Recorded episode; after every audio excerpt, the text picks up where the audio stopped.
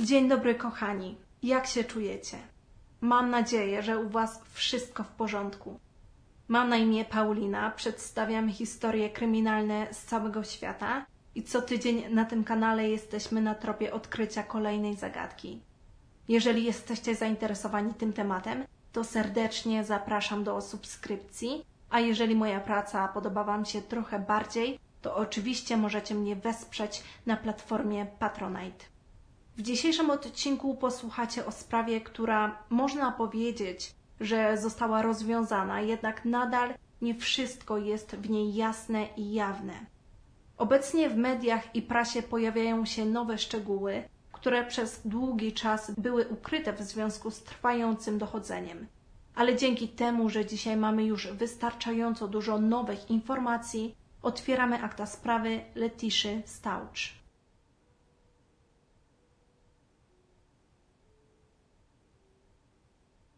Na samym początku przedstawię Wam Ganona Staucz, który był pasierbem Letiszy. Ganon urodził się w 2008 roku. W dniu jego urodzin był taki malutki, że jego rodzice myśleli, że być może nawet nie przeżyje. Ale z czasem chłopiec nabierał witalności i wkrótce jego matka została wypuszczona ze szpitala ze zdrowym dzieckiem. London i Albert jednak nie dogadywali się najlepiej. Zdecydowali, że się rozwiodą. Pod koniec 2018 roku Albert przeprowadził się ze swoją nową żoną Letiszą do Colorado, do okolicy, w której mieszkało dużo pracowników militarnych i gdzie było dość bezpiecznie. W domu mieszkały również córki Letiszy z jej poprzedniego związku. Na tą chwilę nie udało mi się odnaleźć informacji na temat dzieciństwa czy przeszłości Letiszy. Wiemy jednak, że kobieta nie była zadowolona ze swojego związku, nie chciała dłużej w nim tkwić i najwyraźniej nie informowała o tym swojego męża. Wyglądało na to, że Albert był w niej zakochany i ufał jej w zupełności. Sprawa, o której dziś rozmawiamy, rozpoczniemy od 26 stycznia 2020 roku. Tego dnia Letisza nagrała film, w którym Ganon płacze, ponieważ przypalił dywan. Kobieta mówi, że teraz będą musieli sprzedać sofę, żeby to naprawić, ponieważ dom był wynajmowany. Mówi do chłopca, że inaczej wyrzucą ich z domu. Według zeznań Letiszy chłopiec przypalił siebie i dywan świecą. 27 stycznia o godzinie 6.55 stacja policyjna Al Paso otrzymała telefon od 36-letniej Letiszy. Kobieta zgłosiła, że jej pasierb nie wrócił do domu po tym, jak poszedł do kolegi. Miał wrócić o szóstej i nadal go nie ma. Przypuszcza, że dziecko uciekło. Ganon miał na sobie niebieską czapkę i niebieską kurtkę. Dyspozytor zapytał, do jakich znajomych poszedł jej syn, na co Letisza odpowiedziała, że nie wie. Od razu było wiadomo, że sprawą trzeba zająć się szybko. Po pierwsze, było to oczywiście bezbronne dziecko. Po drugie, chłopiec miał zażywać leki, co mogło być dla niego niebezpieczne, jeżeli przez ponad trzy dni by ich nie przyjmował. Nie minęło dużo czasu, zanim policja El Paso uznała tą sprawę za niepowiązaną z ucieczką, a zaginięciem. Ale niestety chłopca nie udało się znaleźć w ciągu trzech dni. 31 stycznia szeryf złożył publiczne oświadczenie, w którym prosi mieszkańców o pomoc w poszukiwaniach chłopca. Wtedy wiele osób postanowiło zaangażować się w te działania i przeszukiwali oni każdy możliwy zakątek. Przeczesywali lasy, ulice, opuszczone domy, ale nie było śladu po chłopcu. Ze względu na to policja zaczęła podejrzewać, że w tą sprawę może być zaangażowana Letisza, która od samego początku sprawiała wrażenie podejrzanej. 1 lutego wszyscy sąsiedzi zebrali się po to, żeby pomodlić się o bezpieczny powrót Ganona. W tym czasie detektywi zajęli się przeszukiwaniem urządzeń elektrycznych i mieszkania Letiszy. O tym, co znaleźli w mieszkaniu, opowiem Wam niedługo, ale najpierw skupmy się na tym, co znaleziono na jej urządzeniach. Jestem pewna, że słyszeliście o tym, że wyszukiwarka wie o Was więcej niż Wasi najbliżsi. I nie było inaczej w przypadku Staucz. 26 stycznia, dzień przed zaginięciem chłopca, wpisała parę interesujących fraz w wyszukiwarkę. Jestem zmęczona zajmowaniem się pasierbami, a ich matka nie pomaga. Jeżeli nie jesteś zaangażowana w życie swoich dzieci, jesteś do niczego. Była żona mojego męża nie robi nic dla swoich dzieci. Ciekawe, czy była mojego męża wysyła mi kartę płatniczą za to, że opiekuje się jej dziećmi. Pewnego dnia ludzie będą żałować, że nie traktowali cię inaczej. Dlaczego mój mąż wybrał mnie zamiast swoją rodzinę? Znajdź bogatego mężczyznę, który chce, żebyś zajęła się jego dziećmi. Syn podpalił dywan. Jak to naprawić? Czy nawilżacz powietrza pomaga, jeżeli ktoś nawdycha się dymu? Czy to w porządku zostawić dziecko samo w domu? Syn jest chory, a ja muszę iść do pracy. 28 stycznia po zaginięciu chłopca wpisała, jak wygląda proces dziecka, które uciekło, przenoszenie się do Los Angeles. Sprawa zaczęła nabierać tempa i kobieta zdecydowanie była osobą, która powinna być pod obserwacją. Jej zeznania będą się czasami wykluczały, czasami będzie je zmieniać, przez co do dziś nie wiemy jeszcze dokładnie wszystkiego, ale postaram się w jak najbardziej chronologiczny sposób przedstawić, co udało się odkryć do tej pory. Letitia najpierw zeznała, że dzień przed zniknięciem Ganona spotkała się z mężczyzną o imieniu Eguardo, ponieważ tego dnia syn podpalił dywan i zatrudniła ona go po to, żeby po prostu go naprawił.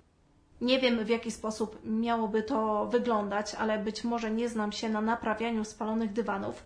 W każdym razie Letisza mówi, że chłopiec od niedzieli do poniedziałku ma problemy z brzuchem. W poniedziałek o 4.47 rano wysyła wiadomość do swojego szefa, że jej ojciec miał wypadek samochodowy, został uderzony autem i zmarł. Wtedy jeszcze nie wiedziała, że została już z tej pracy zwolniona, ponieważ skłamała wcześniej w CV, co właśnie wyszło na jaw. Jest to co najmniej dziwne, ponieważ mogła po prostu powiedzieć, że syn jest chory, jednak ona zdecydowała się na taką dramatyczną historię, która oczywiście nie była prawdą. Później zadzwoniła i powiedziała, że syn nie pojawi się w szkole, ponieważ jest chory. O ósmej rano wysłała zdjęcie śpiącego Ganona w łóżku do jego ojca Alberta. O dziewiątej rano wsiadła do auta, a razem z nią jej syn. Letisza nie zabrała ze sobą swojego telefonu, ale po godzinie dziesiątej zostaje wysłana wiadomość SMS z telefonu jej syna. Na tą chwilę nie wiemy, kto wysłał tą wiadomość, czy to była Letisza, czy syn, czy może ktoś inny. W każdym razie była to wiadomość do jednej z jego przyrodnich sióstr. Brzmiała ona: Letisza zostawiła telefon w domu, więc jeżeli czegoś potrzebujesz, to do mnie napisz. O 12.06 Albert wysłał wiadomość do Ganona i napisał: Hej kolego, jak tam? W tym czasie Letisza weszła do sklepu Petco. Jest to sklep z produktami dla zwierząt i została zarejestrowana na kamerze, jednak bez Ganona. Nie wiemy, czy chłopiec był wcześniej z nią w aucie, czy też nie. Teraz opuściła sklep i nie wiemy, co działo się z nią do godziny 1.22. Jest to dwugodzinna luka. I dokładnie o godzinie 1.21 z telefonu Ganona zostaje wysłana wiadomość. Czy mogę chociaż zagrać w Zeldę? Zelda jest to gra online. Jego ojciec odpowiedział: Nie, nie dzisiaj. O dziwo o 1.30 Letisza robi kolejne zakupy w tym samym sklepie. Jeżeli chcecie wiedzieć, co kupiła, to były to trzy płaszcze dla psa. Dziwny zakup, szczególnie, że nie mieli oni psa. O 1.33 z telefonu chłopca wyszukano. Czy rodzic może znaleźć mój telefon, jeżeli jest wyłączony? Pojazd wraca pod dom około godziny 2.20 po południu. Skąd wiadomo, że auto wróciło o tej godzinie? Jeden z sąsiadów w momencie, kiedy wszyscy poszukiwali Ganona na samym początku, pomyślał, że sprawdzi nagrania ze swojej kamery. Kto wie, może akurat uda mu się coś zobaczyć. No i oczywiście mu się udało. Na nagraniu pojawiło się auto Letiszy odjeżdżające i wracające pod dom. Było widać, że Letisza wysiadła, ale Ganona niestety nie dało się zauważyć. Wiele osób uważa, że chłopca nie było już w aucie i nie wrócił do domu. Policja jednak zakłada, że chłopiec wyszedł z auta i wrócił do domu, tylko że nie widać go po prostu z za pojazdu. Ocencie sami.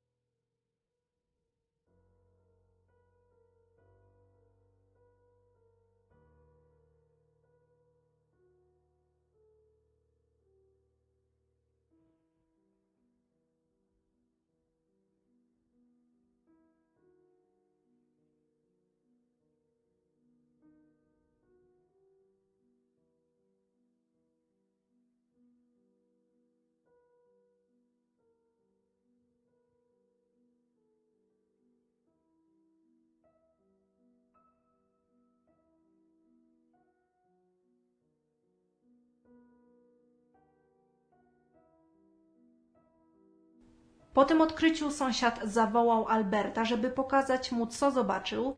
Mężczyzna był zdruzgotany. Zaczął płakać. Sąsiad nie za bardzo wiedział, dlaczego ta reakcja była taka emocjonalna, nie wiedział o co chodzi, ale okazało się, że Letisza skłamała odnośnie powrotu do domu, dlatego był tak zdruzgotany. Według organów ścigania po powrocie do domu Letisza zabiła chłopca w jego własnym pokoju. Ale no właśnie, nie było jeszcze ciała, były to zaledwie podejrzenia.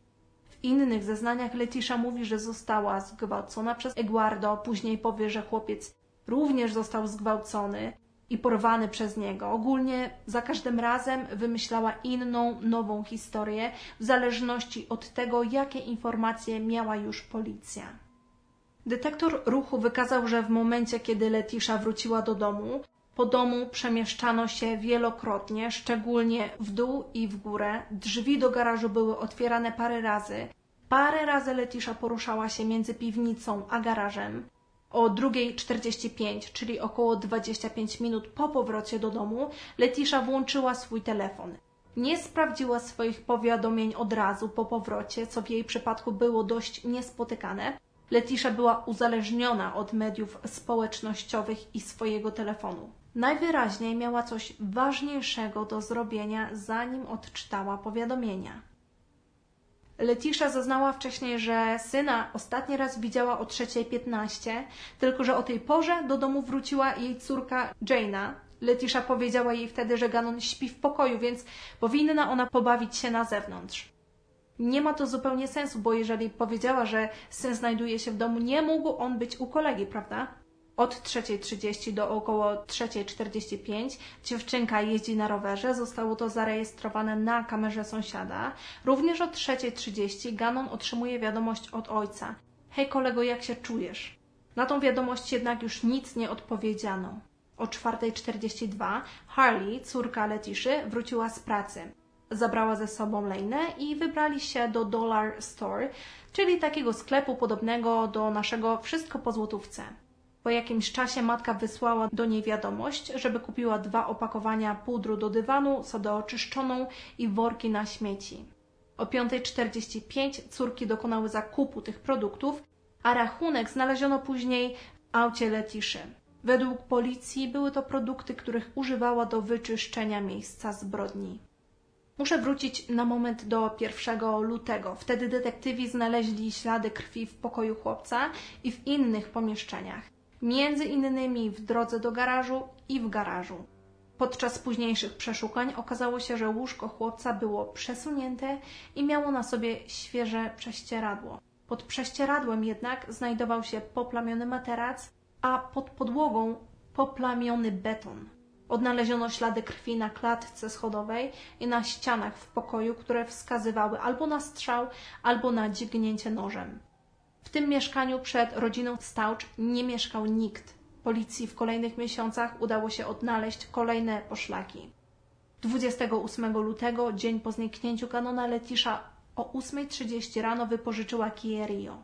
O 4.14 policjanci wysłali wiadomość do Letiszy, prosząc o szczoteczkę Ganona. Parę minut później Letisza napisała o tym do Alberta. Proszą o szczoteczkę naszego syna, ale powiedzieli, żeby się o nic nie martwić. Coś jest nie tak. Wydaje mi się, że coś ukrywają. Al napisał. Kto? Policja? Letisza. Tak, pytali o szczoteczkę. Al. Hmm, myślisz, że co mogą ukrywać?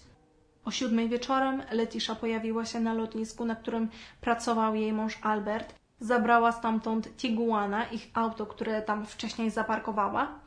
I policjanci uważają, że kobieta pozbyła się szczątek chłopca pomiędzy godziną 8.30 a 10.30 wieczorem, w nocy.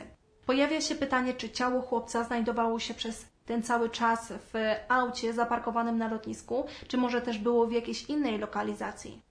O 10.45 Letitia napisała wiadomość do detektywów. Czego ode mnie chcecie, bo ja nie mam nic. Jeden z waszych wygadał się, co robiliście. Ja nic nie zrobiłam. Słyszę wszystko, o czym rozmawiacie. I nie, nie jest to moje nieskładne, niedokładne tłumaczenie. Po prostu Letisza czasami pisała w taki sposób, jakby nie za bardzo wiedziała, jak stworzyć zdania w sposób niezrozumiały. Detektyw odpisał: Przyjedź na posterunek i porozmawiaj ze mną. Ja po prostu chciałbym odnaleźć Ganona. W środę o 9 rano Letisza wypożyczyła kolejny pojazd, Kia o której Wam wcześniej wspominałam. O 11.30 rano widać na nagraniu z mini Tiguana, a na nim czerwoną plamę na tylnym zderzaku. Podejrzewa się, że była to krew. Ze względu na to, że myła swój pojazd, spóźniła się dwie godziny na przesłuchanie na policji. Na spotkaniu kobieta pojawiła się z zapiskami na kartce, z których korzystała podczas rozmowy i to w tym momencie powiedziała, że również jej syn został zgwałcony. Detektywi zaoferowali test sprawdzający, czy doszło do gwałtu kobiety, ale ona się na to nie zgodziła w ogóle. W tym momencie też nagle kobieta źle się poczuła i powiedziała, że musi udać się do szpitala. Detektywi nie mogli oczywiście jej aresztować, wypuścili ją z tego miejsca. Po nią przyjechała jej córka, ponieważ auto, którym przyjechała, zostało skonfiskowane przez policję. I kolejne przeszukania domu wykazały, że wiele pomieszczeń zostało dokładnie zdezynfekowane. W piątek 31 stycznia Letisha była w Douglas County i nie był to tylko jeden raz, kiedy tam się pojawiła. Według detektywów pojawiała się tam, żeby upewnić się, że ciało chłopca jest bardzo dobrze ukryte. W sobotę 15 lutego policja znalazła płytę wiórową, na której znajdowała się plama wyglądająca na krew. Jej profil pasował do profilu krwi Ganona. Według detektywów Letisza użyła jej przy pozbywaniu się szczątek chłopca. 17 lutego Letisza zadzwoniła do Laury Abernati, znajomej, i powiedziała, że myśli o poddaniu się testowi wykrywaczem kłamstw, po to, żeby wreszcie udowodnić swoją niewinność, ponieważ było to dla niej bardzo ważne. Mówiła o tym w każdym możliwym wywiadzie. Ta jej niewinność, że nieważne jest to, że chłopca nie ma, tylko ważne jest to, że ona jest niewinna. Dzień później zadzwoniła na numer telefonu, który był powiązany ze stroną fałszywypoligraf.com. Kobieta wysłała pytania i odpowiedzi, które miały być oznaczone jako prawdziwe, ale nie dostała swoich wyników, za które zapłaciła. Zadzwoniła do firmy i pracownik powiedział, że nie mogą zrealizować jej testu, ponieważ pytania, które przedstawiła, są nielegalne. Kiedy zapytała mężczyznę, co z jej pieniędzmi, czy je zatrzymają, mężczyzna odpowiedział: Tak, w rzeczy samej zatrzymamy pani pieniądze. Pytania, które wysłała Letisza brzmiały: Czy zamierzasz odpowiadać na te pytania odnośnie twojego przybranego syna zgodnie z prawdą? Tak. Czy urodziłaś się w 1983 roku? Tak. Czy w jakikolwiek sposób przyczyniłaś się do spowodowania krzywdy pasierbowi? Nie. Czy Ganon wrócił z tobą do domu? Tak. Czy w jakikolwiek sposób przyczyniłaś się do śmierci pasierba? Nie. Policja aresztowała kobietę 2 marca w South Carolina i w celu jej ekstradycji przetransportowano ją do Colorado Springs. Będąc w pojeździe, udało się jej wysmyknąć z kajdanek i zaatakowała jednego z policjantów, który w wyniku obrażeń trafił do szpitala. Jak udało jej się wysmyknąć, tego nie wiemy. Policji udało się znaleźć wiele informacji wskazujących na to, że to ona jest odpowiedzialna za zaginięcie chłopca i jego prawdopodobną śmierć, pomimo tego, że nie znaleziono nadal jego ciała, przynajmniej w tamtym momencie. W tej chwili jednak media i publika nie wiedziała nic na temat tych informacji, o których Wam właśnie powiedziałam. Przez to, że Letisza zaatakowała tego policjanta, mieli oni aż 12-godzinne opóźnienie. To, co zrobiła temu mężczyźnie, dowiemy się na pewno na kolejnej rozprawie. Letisza trafiła do zakładu karnego, z którego chciała już raz uciec, i wtedy doszło do przełomu, niestety tragicznego. 18 marca znaleziono ciało chłopczyka, które wepchnięte było w walizkę. Zostało ono znalezione przez pracownika budowy dróg pod mostem na Florydzie, ponad 1500 kilometrów od domu. Jak kobieta zdołała przetransportować chłopca tak daleko? Czy ktoś jej pomógł? Kobieta potrzebowałaby bardzo dużo czasu, żeby przejechać w obie strony. Nowe informacje cały czas pojawiają się w prasie. 19 lutego 2020 roku podczas kolejnej rozprawy Letisza oznajmiła, że chce sama się reprezentować. Zmieniła jednak zdanie we wrześniu i poprosiła o obrońcę z urzędu. Teraz możemy jedynie czekać na ujawnienie wszystkich innych informacji, które z pewnością są trzymane przez organy ścigania, ponieważ nadal nie doszło do skazania Letiszy. Sprawa ta była ogromnym szokiem zarówno dla biologicznej matki, jak i ojca, którzy bardzo, bardzo kochali swojego syna. W internecie znajdziecie mnóstwo materiałów, zaczynając od filmów, w których pojawia się Ganon, kończąc na wywiadach Letiszy i biologicznych rodziców chłopca. I to wszystko na dziś. Mam nadzieję, że cała prawda wyjdzie na jaw i że sprawiedliwość zostanie oddana tym, do których należy. Jeżeli zostaliście do końca, napiszcie w komentarzu rodzina. Wtedy będę wiedziała, że zostaliśmy razem do samego końca. Mam nadzieję, że cokolwiek teraz robicie. Czy prowadzicie auto, czy malujecie paznokcie, czy myjecie okna. Mam nadzieję, że ten czas minął Wam przyjemniej zapraszam do wysłuchania kolejnej sprawy kryminalnej na moim kanale. I tak naprawdę na cokolwiek się zdecydujecie, do zobaczenia w następnym odcinku. Ciao! Beijos!